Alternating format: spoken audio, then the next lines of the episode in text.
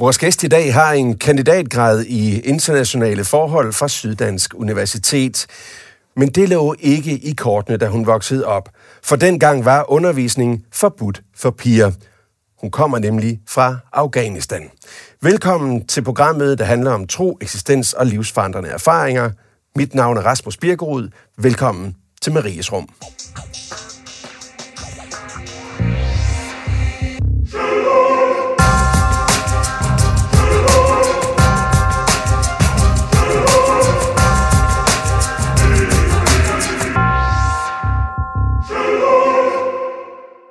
Tamina Salik, velkommen til. Mange tak. Skal vi lige starte med at sige, at situationen i Afghanistan udvikler sig lige nu hele tiden, og derfor vil jeg oplyse lytterne om, at det her program blev optaget onsdag den 18. august, hvor evakueringen er i fuld gang. Du er gift og mor til to børn og bor i Sorø. Ja. Og så har du jo som nævnt en kandidatgrad i internationale forhold, men du er jo startet et helt andet sted. Øh, indtil du var 14, der boede du i Afghanistan, Mm, og kom så til Danmark. det er helt rigtigt. Det vil sige, at du har familie dernede. Hvornår har du sidst talt med dem? Uh, I morges, Ja. uh, det er simpelthen er blevet en uh, uh, ritual, jeg næsten gør. Lige så snart jeg står op om morgenen, så ringer jeg lige til dem for at høre, om de har det godt, og, og lige få en opdatering af situationen i Afghanistan, og særligt i Kabul. Hvem er det helt præcis, du så taler med? Jeg taler uh, med min kusine, Ja. um, og faktisk kusiner og fædre, men det er særligt en kusine, jeg har uh, haft meget kontakt med her på det sidste, um, som bor i Kabul, um, og, og hjælper mig både med at fortælle mig lidt i forhold til, hvad der foregår i Kabul, men også mm. bare lige, uh, om alle resten af familien har det godt. Og hvordan er situationen så her onsdag morgen? Det er ikke særlig godt, altså, som det har heller ikke været godt i de sidste andre par dage. Um, Øh, Taliban er i Kabul, og det viser sig, at de er, som de hele tiden har nu forsøgt for at fortælle os, at de har ændret sig, og de er, de er bedre mennesker, kan man sige. Men det passer desværre ikke, at de, at de, at de beskeder øh, og opdateringer, jeg får, de er allerede gået i gang med at slå på piger og gå hus til hus for at øh, søge efter nogle bestemte personer, som de mener er øh, deres fjender. Hvordan håndterer din kusine det? Ja, jeg synes, øh, jeg har altid haft kæmpe stor respekt for afghanske kvinder. Mm. Um, jeg synes, de, hun håndterer det utroligt uh, et eller andet sted godt. Uh, jeg ved ikke, hvad jeg selv havde gjort. Sikkert, ja, det er svært at forestille sig. Men hun prøver at holde sig nogenlunde sådan i ro, og, og, og, og, og særligt også, fordi hun har nogle børn, så hun er nødt til at holde hovedet koldt, um, og, og er selvfølgelig mega trist um, over situationen, og, og synes slet ikke godt om det, og hun synes, at alt det, de havde opnået i de sidste par 20, altså 20 år, mm. um, er bare fuldstændig på et døgn væk. Men har du indtryk af, om det er tristhed, eller angst, eller frygt, eller, eller uvidshed? Hvad er det, der fylder mest? Jeg vil virkelig sige, at det er en blanding af dem alle sammen. Okay. Det er uvidshed, fordi hun bliver ved med at sige, jeg ved ikke, hvad der kommer til at ske i en time fra nu af. Mm. Uh, også vred, at, at hvorfor gik det så galt? At hvordan kan de samme mennesker, som vi prøvede at få fjernet fra Afghanistan, er bare tilbage uh, så nemt? Og angst klart os. Du er i dag så konsulent for en række humanitære organisationer, som arbejder i øh, Afghanistan.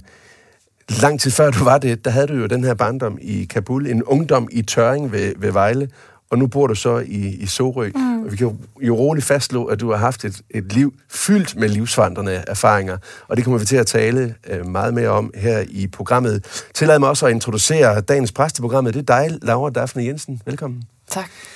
sovnepræst i Sankt Jørgens Kirke i Næstved. Laura, jeg kunne godt tænke mig at få dig med ind her, fordi vi ser jo hele tiden billeder øh, fra særligt lufthavnen i, øh, i Afghanistan. Det er jo langt væk, ikke også? Så, så hvad er det for nogle eksistentielle temaer, der egentlig er på spil for os danskere, der lever herhjemme i, i, øh, i trygheden, når vi ser de her billeder fra, fra Kabul? Vi ser billeder, som vi ikke kender til herhjemme. Øh, du er netop rigtigt, at du siger tryghed her i landet. En oplevelse af desperation og frygt, som, som, vi ikke, som jeg ikke har oplevet på min egen krop, men den ser vi på billederne her. Er den afstand, tænker du, for stor til, at vi overhovedet kommer derhen, hvor vi kan begribe, hvad der er på spil? Hvis jeg sagde, at jeg kunne begribe noget af det, du sidder og siger her, så vil det, øh, så vil det ikke være rigtigt. Mm. Altså, det vil du også kunne se på mig. Det vil, det, det vil jeg ikke kunne forstå på samme mm. måde. Øh, så, så ja, der er en afstand. Øh, og, og billeder er også afstand. Mm. Mm. Men vi kan jo dog trods alt se på de billeder, at det er kroppe, øh, det, det er menneskelige kroppe, der føler desperation og skal presse sig sammen. Og jeg så mennesker mm. have sig fast i en flyver. Præcis. Og det billede, altså, hvordan kan man forestille sig? Det kan jeg simpelthen ikke forestille sig, mm. et menneske blive så desperat, at man løber efter en flyver, der skal tage lidt. Mm. Jeg tror, du taler på vegne af rigtig mange øh, af os alle sammen, fordi det billede kan vi jo ikke øh, begribe. Kan du hjælpe os med at begribe den desperation? Jeg kan prøve i hvert fald. Um, det, det viser, uh, at hvor, hvor ufattelig uh, svært uh, alternativet er, at man heller gerne vil det. Hvis, hvis det siger voldsomt mm. ud, hvis det siger alt for risikabelt, livsfarligt ud, så skal man tænke, hvad er så alternativ? Det er, at de skal lade være, og at de skal blive i et land, som så er, er netop så forfærdeligt, at man heller gerne vil risikere sit liv og, og, og ser det her flymaskine som den eneste håb tilbage for et nogenlunde normale liv, øhm, hvor alt andet er taget fra en, at øh, man er spærret i et håbløst øh, fængsel, øhm, og som sagt, den eneste ray of hope altså, er den her flymaskine, mm. øhm, som kan måske redde en fra forfærdeligheden. Jeg kunne godt tænke mig nu at gå lidt videre i programmet, fordi øh, det kræver, at jeg vil prøve at se, om det kan lade sig gøre at få dig, øh, Tamina, til at tage os øh, med til Kabul, men måske på en lidt anden måde, end vi er vant til. Vi prøver her. Det er min oplevelse, sådan en personlig oplevelse, at vi ofte, det er ofte vores sanser, der på en eller anden måde forbinder os med vores barndom. Det er sådan finurlige detaljer, vi kan huske fra barndommen, mm. når vi tænker på dufte eller lyde. Mm. Så spørger jeg dig egentlig, Hvordan mindes du, at der dufter i Kabul? Ja, det er øh, lige så snart du spørger mig om det, så tænker jeg på en duft, hvor jeg altid øh, kunne lide hos min, øh, hjem hos min onkel. Mm. Øh, hver gang jeg tog hjem til dem, der hele huset var præget af et dejligt duft, som altid fangede mig som barn. Og dengang var jeg måske 7 år gammel, altså der, sådan der omkring. Øh, men jeg vidste ikke, hvad det er for en. Det er først efter, jeg kom til Danmark, og det var det, var det eneste sted, jeg kunne, altså, jeg, jeg kunne dufte det duft, kan man sige, mm-hmm. hjemme hos dem. Øh, først da jeg kom til Danmark, en dag jeg kom ind i mit eget hus, og så kunne jeg faktisk dufte det samme. Mm-hmm. Og det gik op for mig, at det var duften af kaffe. Aha. Øhm, og det er ikke, fordi kaffe overhovedet er nemlig normalt i Afghanistan. Man drikker te, helst grøn te. Øh, man Catamoms, eller ja. ja. Så det var altså hjemme, men hjemme hos min onkel var måske, altså de var de eneste, eneste uh, i familien i hvert fald, der drak kaffe. Og den duft er noget, som hver gang jeg dufter kaffe, det tager mig Som faktisk noget, tilbage. der skilte sig ud fra normalbilledet ja, ja, øh, sådan præcis. dengang. Aha. Og det er heldigt jo, at jeg så i dag er i Danmark, hvor jeg kan dufte kaffe næsten alt, når og, jeg har og, lyst. Og, og lige nu sidder, skal vi sige til lytterne, Tamina med hænderne trygt omkring sin varme øh, kæmpe ja, her, jeg har en der er del af mit barndom her hos mig. Ja. Hvad, spørg, hvad, hvis, hvad så, hvis vi siger, hvordan, hvordan lød der i din barndom i Kabul? Ja, der, tror jeg, jeg får to forskellige. Uh, og ja, den ene er desværre lyden af krig. Um, jeg kan huske, at uh, selv som børn, uh, jeg og min søster, vi, vi, vi legede, og så skulle lave i det her lyd af raketter, der fløj. Den, den lyd konstant, så som barn, vores leg handlede nogle gange om, at uh, vi skulle lave den samme lyd, hvor den, der er en, en raket, der fløjer, altså sådan så, shh, så bang, ikke? Og, og, okay. og rammer et eller andet sted. Så det er så den, den, den desværre det ene lyd, som, mm-hmm. som jeg, jeg, jeg, jeg forbinder med, med Afghanistan og mit barndom. Um, og den Må jeg anden... prøve at spørge dig, når du, når du, når du kon, ligesom forbinder dig med den lyd og den, den erindring, øhm, det kan jeg godt se, det, det er du, bliver du følelsesmæssigt berørt af. Og det er faktisk det, jeg vil spørge dig til, fordi et af, at du hørte, hvad er det for en, hvad er det, det genkalder hos dig? Um, altså, jeg, jeg bliver selv ked af det på vegne af mig. Alle de andre børn i Afghanistan, der er vokset op under krig, at, at det skal være lyden af... af um, altså, det er det første, man, man tænker... Jeg tænkte i hvert fald på, da du spurgte mig om det. Så, så det er sådan en uh, tabt barndom, en, en del af mit barndom. Jeg havde nogle fantastiske forældre også. Altså, jeg har gode minder også af, af, af det med vores hjem. Mm. Men udenfor har det været kaos, uden at vi rigtig har begrebet den som barn også. Øhm, ja, og det er det, der gør, hvis mig Ja, at man som barn ikke, det, at- ikke, ikke begriber, hvad der er på færre, ikke desto ja, mindre. Så, ja, og så, leger med, Ja. med altså det er som om, det, det, ja, det, det, ja, selvfølgelig som barn er det svært at forstå det hele. Mm. Uh, det var en normal ting for os. Altså, jeg har nogle videoer, hjemmevideoer, hvor min far filmer os, hvor vi sidder glade og prøver at sådan grine og have det sjovt, mm. hvor man kan høre raketter udenfor, og lige pludselig foran vores um, altså bygningen lige foran, hvor vi bor, øh, brænder, fordi der, der har, en raket har ramt det. Ikke? Mm. Det har været hverdagen for os, og man alligevel har, som altså afghaner har alligevel formået på et måde, eller blevet tvunget til at, at køre et normalt hverdag. For mm. hvad har alternativ været at bo konstant i kælderen? Um, i frygt, ikke? At man alligevel, det, det er virkelig, den, de, de videoer, jeg ser også viser, hvor den her kontrast, at herhjemme, at altså, du er tryg og har det godt, og du tror, forstår ikke helt, hvad der foregår Nej, udenfor. det er det, Laura lige siger, vi forstår det din vindue. ikke. Ja. Vi forstår det ikke. Øh, øh, men du nævner du selv ordet frygt. Mm. Er det noget, du kan erindre? Selvfølgelig.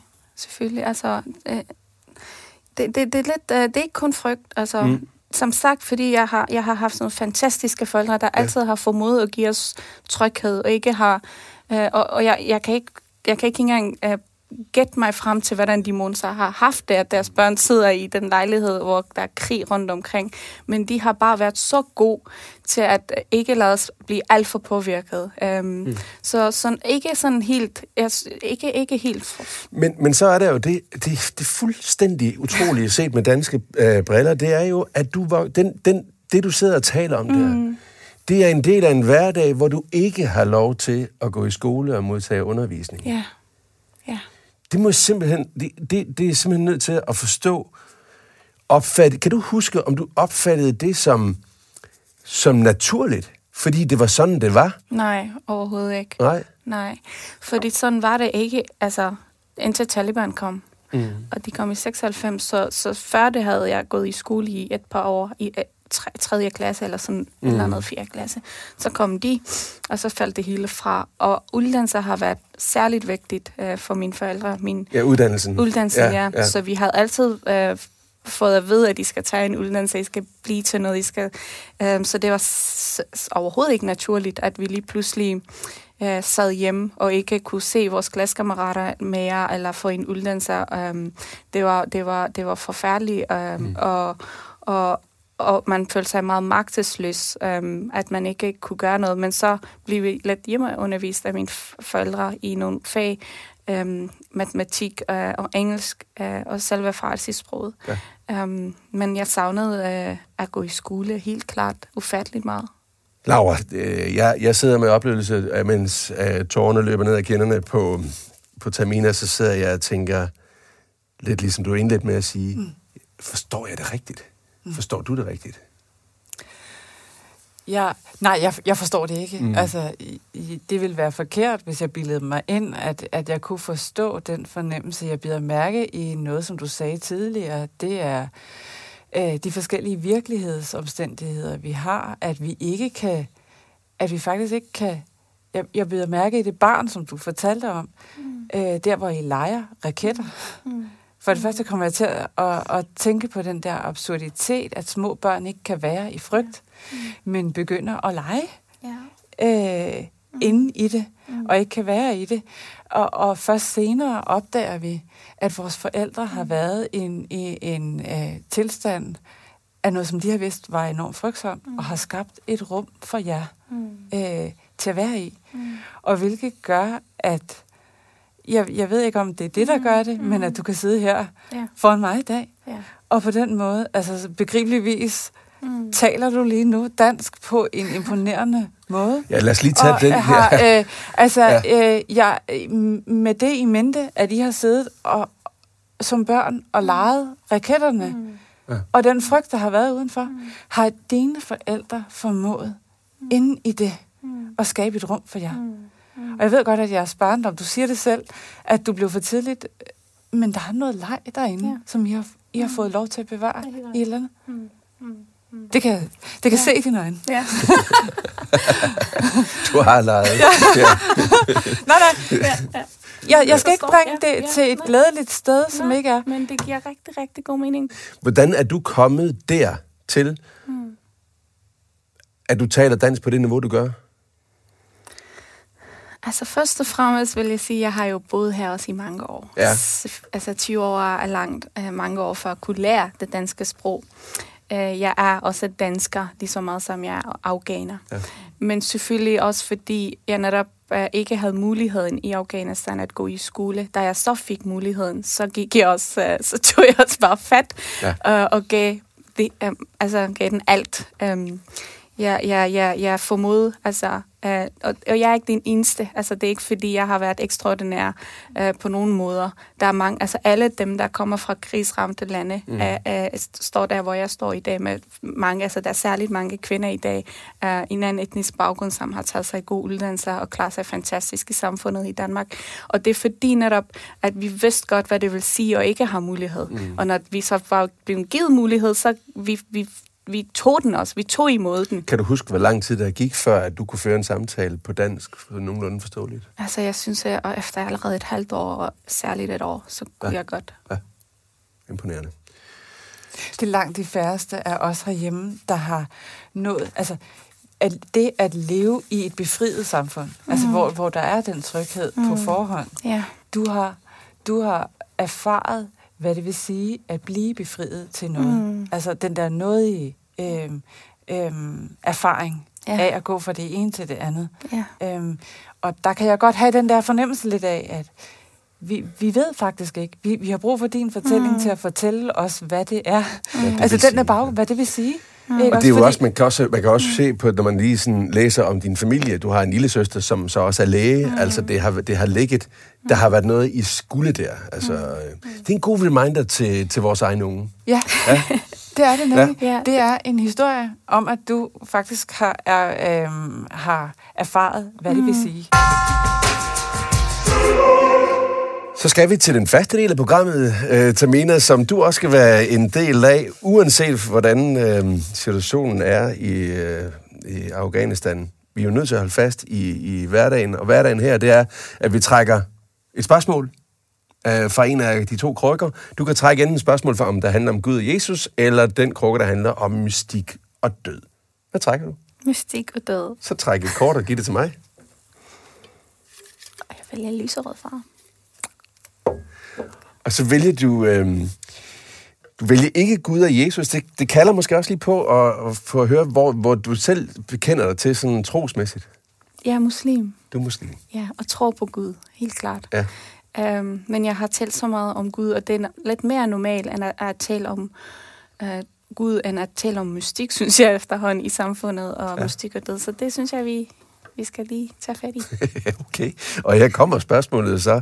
Øh, og vi starter med, at I enten kan sige ja eller nej, og så får vi en uddybning bagefter. Her kommer det. Tror du på, at vi har levet før dette liv? Og lad mig lige motivere spørgsmålet. Altså, nogle mennesker har, har gået til det, der hedder regressionsterapi. Her får de billeder af, når de ligger i den her trancelignende hy- hypnose eller afslappet tilstand, får de billeder af, at de har eksisteret her på jorden som mennesker i en anden form. Som soldat, eller syrske, eller kok, eller hvad ved jeg. Så er mit spørgsmål til det. Tror du på, at vi har levet før dette liv, Laura? Nej. Tamina? Nej. Ah, hvorfor Måske. kan jeg ikke få jer med på... Og måske, siger du. Måske. Okay, lad mig høre. Lad mig høre, Tamina.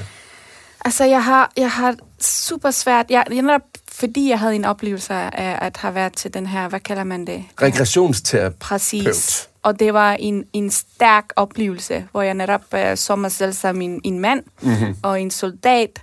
Uh, uh, og, og efter, det var sådan en lang uh, historie, hvor jeg så gik, går igennem i der. Og da jeg så kom tilbage, altså vågnede op, havde jeg det bare så så godt med det hele. Altså, det var som om, det var reelt, jeg græd, det var virkelig stærkt. Men rent øh, mentalt og log, altså, jeg har svært med at forstå det eller acceptere det. Mm. Jeg har, jeg, sådan, så oplevelsen var der, men jeg tror ikke på, at jeg har, jeg tror på, at jeg har eksisteret før i andre former, men at, at jeg har været som mig selv eller i en anden form som menneske, har jeg bare utrolig svært at, at acceptere. Så oplevelsen var sådan set god nok, men så blev du akademiker, eller det hvad? tror jeg måske. okay. okay. Laura, lad mig høre, du, du siger... Laura, du siger, du siger øh, nej, det gør du ikke. Lad mig høre, hvorfor. Det kan være, at jeg er for meget akademiker, det ved jeg ikke. Men, øh, eller, øh, det, det jeg også øh, vil sige, jeg, jeg, har, jeg har ikke prøvet rekreationsterapi. Mm. Altså, jeg, jeg, jeg har slet ikke prøvet at være der, hvor man kan sige. Så på den måde er det et lidt kedeligt svar, at der har jeg i hvert fald ikke været henne øh, og, og prøve det. Kunne du jeg tænke dig at prøve det, Laura? Øh, nej, for jeg har, jeg har slet ikke en søgning mod at prøve at finde ud af, om jeg... Altså, så skulle det være, fordi at I med, med, med sådan helt, helt altså sådan savlige grunde vil sige til mig, hvad der vil være fordelen for mig mm. i, mm. at jeg vidste, at jeg havde været en hjort, eller en... Mm. Øh, en, øh, altså, jeg tror ikke, man her ved, i, den her, i de Ej, her sammenhæng taler så meget om, at man har et dyr eller noget andet, men, men mere menneske, menneske i nogle andre Eller, skikkelser. altså, ja. ja. Fordi øh, jeg, jeg har også en veninde, som, mm. som, som helt bestemt mener, at hun har været en, en middelalderkvinde øh, øh, i en, en slægt i, øh, mm. i England.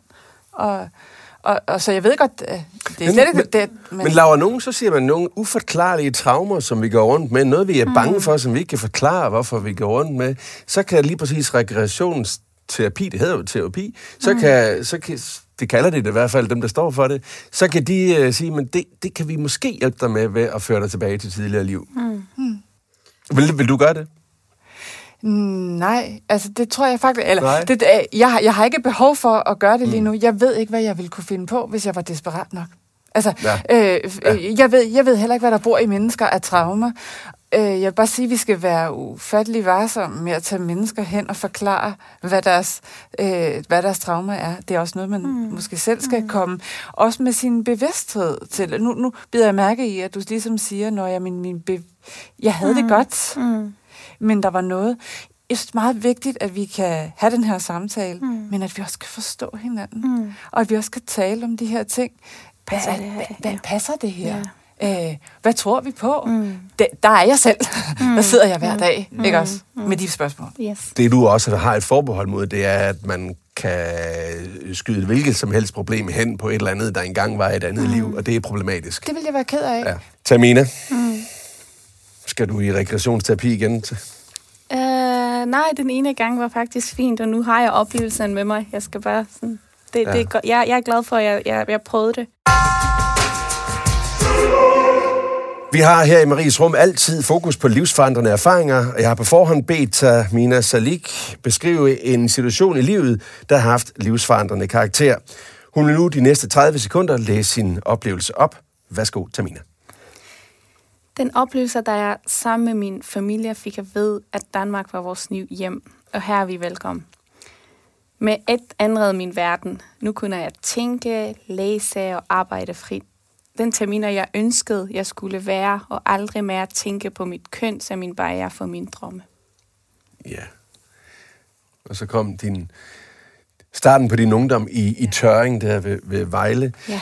Øh, du, du skriver, at jeg skulle aldrig mere tænke på mit køn som en barriere for mine drømme. Mm. Øhm, men når går det op for dig? Altså, det, fordi et, et er jo, at du har været, været øh, under nogle kraftige restriktioner i, mm. under Taliban. Mm. Noget andet er også, når det sådan reelt faktisk bliver realitet inden i dig, mm. at nu er du på en eller anden måde fri og har lov til mm. at være, hvem du er. Kan du, kan du komme på et eksempel på, hvornår det går op for dig?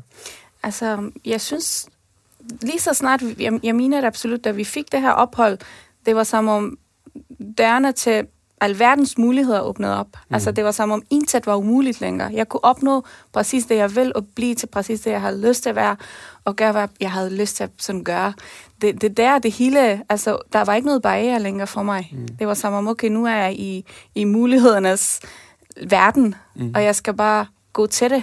Så der er ikke, der er ikke sådan et senere øjeblik, øh, hvor jeg tænkte, åh, oh, mit køn ikke længere er. Mm. Øhm, men før jeg var klar over, hvad Danmark, altså, eller øh, Europa, ikke sådan decideret, hvad for et sted, øh, og at, at uden for Afghanistan, der findes nogle, nogle af de her steder, hvor folk kan bare være, få lov til at leve livet, ikke? Øh, mm. uden at, at være bange for, at jeg kan dø i morgen eller næste time. Så ja, og selvfølgelig, da jeg første, første skoledag var også en rigtig stor oplevelse for mig, hvor jeg øh, startede i Charing, øh, Charing School, ja. øh, og skulle ind i klasserummet, øh, hvor der sad rigtig mange af mine dejlige klassekammerater, øh, øh, etniske danskere, um, og de tog rigtig godt imod mig. Um, og og, og jeg, da jeg sad i den stol, det var bare fantastisk følelse. Altså, Igen, det er så fremmed for os, det her med, at kvinder og piger ikke må, som altså, alt det, de ikke må. Mm. Og når du så sidder der på stolen, som du taler om, og kigger rundt i klasselokalet, så sidder der jo andre piger.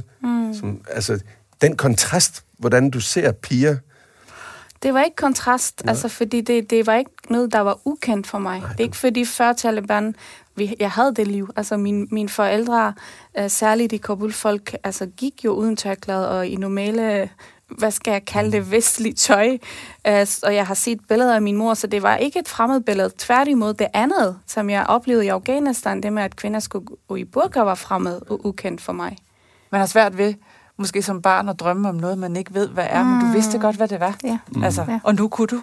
Præcis. Nu kunne du det Præcis. med at åbne bøgerne og ja. sidde i klasselokale igen. Du skriver faktisk øh, jo helt overret, nu kan jeg tænke, læse og arbejde frit.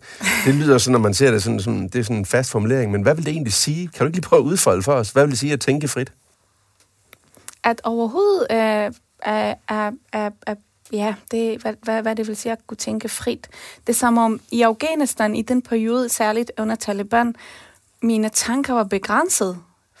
Og det, det er fordi, ikke fordi de kunne styre tankerne, men fordi tankerne gik kun ud på, altså, øh, at hvornår får jeg lov til at, at, at læse, studere, tage en uddannelse, hvornår ender den her elendighed, hvornår, det var, det var meget, øh, jeg var på en måde samfundet og omstændigheder havde tvunget mig på at ikke tænke andet end, end det. Altså, hvorfor, hvor, hvor, hvornår ender den her liv i fængslet? Altså kun det, kun, kun at en, tænke på rammerne om sin rammer, eksistens, og ikke på indholdet? Præcis, ja. præcis. Hvor her, det, den del behøvede jeg ikke tænke på længere. At mm. det her var der bare, nu kunne jeg alt, og jeg kunne tænke netop frit, og tænke om, okay, skal jeg starte i en uh, forening? Skal jeg, skal jeg blive en politiker? Skal jeg blive læge? Skal jeg læse? Altså, der var mm. alt, hvad tror jeg, tror jeg på, på livet før livet? Altså, alle de her tanker, som, som uh, jeg synes, uh, man kom ikke dertil tankemæssigt sådan helt uh, uh, for at nå dertil til at tænke ud over de basale behov som menneske,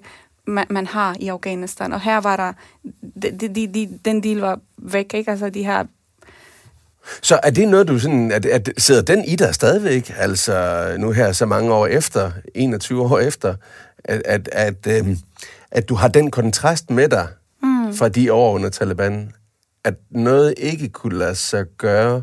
Yes, altså... Tænk, er det noget, du tænker over i dagligdagen? Ja, jeg tænker næsten hver dag på, på de kontraster. Særligt nu, når jeg Afghanistan er, er igen under Taliban. Mm. Det, den kontrast er stort, og, jeg, og, og jeg, jeg, jeg fortsat har en del af mig, så i Afghanistan med min familie og følger med i alt, hvad der foregår. Og den anden del her, hvor jeg afleverer mine børn i børnehave og tænker, ah, dejligt at bo her. Men samtidig tænker jeg på min kus, altså, kusins børn, som ikke har den mulighed. Så den kontrast er, er der hele tiden, og det er mm. faktisk ret mærkeligt at, at leve på en måde i to verdener hvor her det er godt, og alt er muligt, hvor den anden er alt er begrænset, indtil det er muligt på en måde. Ikke? Ja. Den, er, den er hos mig selvfølgelig, i høj grad. Laura? Jeg, jeg tænker bare, at det er så fantastisk, at vi sidder her i Maries rum, og netop har dig på besøg. Fordi den, den måde, som du øh, taler om det her på, det er, jo, det, det, er jo, det er jo simpelthen den grundviske oplysning, og hvor godt, altså, hvor, den har vi, det er så lang tid siden for os, at vi har begrebet, at vi er, har været spærret inde fra oplysning, at vi har måske glemt at sætte ord på, hvor fantastisk oplysning og lyset er. Ja, lad os da minde, altså, om, lad os da minde lytterne om, at Marie Toft, som det her program er opkaldt efter, ikke måtte holde sin Nej. gudelige forsamling her. Der var også et forbud, med, at hun mm. gjorde Der var også et forbud, at vi sidder mm. i det her rum, og vi har dig lige, mm. lige nu her, som, som taler om den oplysning. Mm. Ja. ja, og hvis jeg skal sige det smukke i alt, det, som jeg har været igennem, er nemlig, jeg er i det taknemmelig et eller andet sted for alle de kontraster. For jeg tror, at det er derfor, jeg er den, jeg er. Altså, det er derfor, jeg, jeg, jeg værdsætter livet på en helt anden måde, synes jeg selv. Øhm, og, og, og, og nyder hver øjeblik. Mm. Øh, og, og, og derfor jeg har sådan en kampgejst i mig, hvor jeg gerne vil give den mulighed til alle dem, der ikke har. Tamine, jeg, vil gerne, jeg vil faktisk gerne lige have læst et uh, citat op fra en... Uh, nu når du nævner det her med, med, med begrænsninger. Uh, et citat, du sagde til politikken den 17. marts. Det, du sagde der, det var... Vi må ikke forlade Afghanistan nu, i de år, hvor Afghanistan har allermest brug for hjælp, selvom vi ikke ved, hvad fremtiden bringer. Vi fokuserer på alt det, der er gået galt, men der er også sket så mange gode ting. Der er en hel generation, der er født efter 2001, en ung og meget mere oplyst generation. Og den generation er bare fast besluttet på, at de ikke skal tilbage til livet under Taliban. De tager kampen op. Nu er vi der, hvor situationen har udviklet sig til noget helt andet. Mm. Tror du, de tager kampen op? Ja, det er et utroligt svært spørgsmål. Um, jeg føler, at den afghanske befolkning vil ikke Taliban, og de vil gerne tage kampen op. Men de har helt klart brug for lidt opbakning på et eller andet form. Selvfølgelig, vores egen, altså den afghanske regering svigtede dem i høj grad, og bare forladt den, altså alle dem, der var i regeringen, altså ude af Afghanistan, tilbage af befolkning, som gerne vil, altså når jeg taler med dem, ja, øh, og som billederne siger i sig selv, at, at, at, at det er så desperat, de, at, at de kan faktisk, at gerne vil risikere livet for at komme ud, men så siger de, men hvis vi skal blive her, så er vi nødt til at gøre noget ved situationen, at mm. selv hvis det kan koste os livet, så jeg fortsat tror på et eller andet form for, øhm, for, for ja, øh, kamp mod Taliban, om det bliver i form af bare små protester, hvor man så møder op på sit arbejdsplads, på trods af, at man ikke må lige teste grænser. Uh, men det er selvfølgelig begrænset, hvad mm. man kan, hvis ikke man altså, og står over for nogle, nogle mennesker, som ingen respekt har for menneskerettigheder, og står med gevær og uh, stik i hånden. Og, altså, det, det, det er svært. Um, men, men jeg ved, kampgejsten er der. De har bare brug for opbakning. Igen kan jeg se, at du uh, bliver berørt. Hvad er det så præcis, der berører dig, når du taler om det? Jeg tror, det, det, det er en del, at, at det hele er bare blevet til en diskussion, at hvor er det bare svært for dem, og hvor er det bare hardt, men hvad kan vi gøre? Altså selvfølgelig kan vi gøre noget. Det, er, det handler om menneske. Vi, vi sidder i vores sofa og ser menneske i, i al elendighed. Altså, jeg, jeg, de, som, jeg har selv ikke over for at beskrive deres, deres, deres tilstand og, og, og desperate øh, ja, øh, forsøg på at, at have et liv nogenlunde normale. Um, men vi føler som, altså den lidt, lidt passivitet, jeg oplever, at når jeg, det er rigtig, rigtig ærgerligt, men hvad kan vi gøre? Ja, hvad kan vi gøre? Selvfølgelig kan vi gøre meget. Altså, det handler om beslutninger. Det handler om, at vi skal uh, stille spørgsmål til, vores, uh, til alle dem, der tager de her store beslutninger. At nu går vi ind i, i Afghanistan og rydder op for, for terroristerne og for Taliban, og nu, når nu gider vi ikke mere, og nu vil vi ud. Mm. Uh, og, og ja, det er selvfølgelig ærgerligt, men vi var der ikke for at redde altså, Afghanistan. Vi var der for at, jeg ved ikke hvad, Altså de her, man skal, man skal få politikerne til at stå til ansvar. Mm. Særligt vores egen, altså de danske politikere, fordi de, de, de skylder skylden meget på USA. Jamen USA, dengang vores allierede sagde, at vi skulle ind, så gik vi ind. Nu har de besluttet sig for, at vi skal ud, så kommer vi ud. Men hvad med... Og, og Tamina, det er selvfølgelig et politisk spørgsmål, og vi går ikke lige ind i den nu, men, men, det men det, der også bliver forskellige jagttagelser er, jeg kunne godt tænke mig at høre dit synspunkt, det er,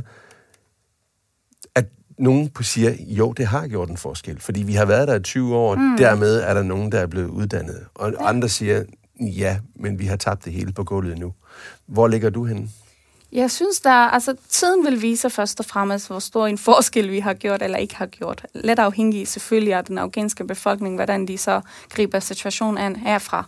Men helt klart har vi gjort en forskel. Altså som jeg har sagt igen, 65 procent af den afghanske befolkning er under 25. Det vil sige, at de har oplevet de her 20 år i nogenlunde orden og ro og, og, og med muligheder til at tage en uddannelse og gå på arbejde. Og den viden, de har fået, de, de oplysninger, de har fået gennem de 20 år, ikke, altså sidder jo i dem. De, de, de, mm. det, er, det er noget, der ingen kan tage fra dem. Og den vil de jo bruge forhåbentlig mere aktivt øh, herfra. Og som præst kunne jeg forestille mig, at man sidder og tænker på håb, og det er vel her, vi har håbet, eller hvad? Ja, netop det, du i- siger i, at, at den har de, den kan ingen tage fra dem. Ja. øh, troen på, at der faktisk er opnået noget mm. i mellemtiden, Ja. tror jeg, den er, den er rigtig vigtig. Ja. Ikke at jeg holder fast i. Mm. Ikke at det er mig, der siger den, Mm. men at du siger den. Det er, det er fuld af forhåbning for Mm. mig til Mm. at tænke, øh, nå, Mm. Der er faktisk, der er faktisk sket noget Mm. med nogle Mm. mennesker. jeg tænker på det eksempel med mig selv, der i mit barn, der mine forældre pointerede nemlig vigtigheden af uddannelse med oplysning. Og det vil den her generation også gøre til deres børn. Så de vil forhåbentlig ligesom mig vente til det, hvornår det hele er slut, øh, og hvornår jeg kan komme ud og prøve at gøre noget ved det, end at, at det skal være det normale. Hvis de ikke havde haft en oplevelse, så, havde det, så kan det godt være for Afghanistans børn i dag. Deres forældre havde det jo heller ikke i bagagen for at give dem videre, men det har de i dag. De vil oplyse deres børn, de vil fortælle vigtigheden af af at uddanne sig og kunne tænke frit. Og de børn vil forhåbentlig en dag som mig få den mulighed, fordi det vil ikke være det normale for dem. Nej, og lige nu, der lukker de, altså det man hører, det er de modsatrettede beskeder, at vi er nødt til at lukke, lukke os ned nu, Hmm. mm. som i et fængsel, og, Ja. og trække tilbage. Mm. Men det, der er indvendigt Ja. i os, Præcis. troen, håbet, Mm. kan de ikke tage. Mm. Hvornår skal du tale med din kusine næste gang? Lige så snart jeg kommer ud herfra. Altså lige så Ja. snart jeg går til min bil på vej, så har jeg tænkt mig at ringe til hende og lige høre. Det, altså, jeg, jeg, tag, jeg, jeg, enhver mulighed, jeg får, så lægger jeg lige en besked, og så svarer hun selvfølgelig, når hun har tid. Hvad, og hvad er det første egentlig, du spørger om, når du taler med hende? hvordan hun har det, og at, at jeg har, øh, hvis, altså, hvis hun har lyst til at tale, eller hvis jeg kan gøre noget for hende. Mm. Kan du det på så lang afstand? Altså bare den tryghed, som det kan give mennesker at vide, at, at, at der er i hvert fald nogle andre, der tænker på en. Um, og den, den, altså det, det, det, jeg lige nu kan. Uh, forhåbentlig finder jeg ud af, om jeg kan mere med tiden. Men lige nu har, har, har jeg brug for, at hun skal vide, at der er nogen, der tænker på hende. Og at jeg er der, hvis hun i hvert fald har brug for at snakke, eller dele noget bekymringer, eller et eller andet. Det bliver udgangsreplikken for det her program i dag, at vi mennesker nogle gange har brug for, at der bare er nogen, der tænker på os. Yes. Laura Daff Jensen, tak fordi du kom. Selv tak. Præst i St. Jørgens Kirke i Næstved. Og Tamina, tak fordi du kom. Selv tak. Dette program er produceret af Folkekirken i Næstved i samarbejde med Rønnebæk Solm, og vi har jo altså talt meget om øh, Afghanistan i dag. Lad mig igen understrege, at det her program er blevet optaget onsdag den 18. august. Du kan følge os på Facebook-siden Maries Rum, og du kan finde alle vores tidligere programmer på vores hjemmeside, som hedder mariesrum.dk. Vi er tilbage igen om 14 dage. Mit navn er Rasmus Birkerud. Tak for nu.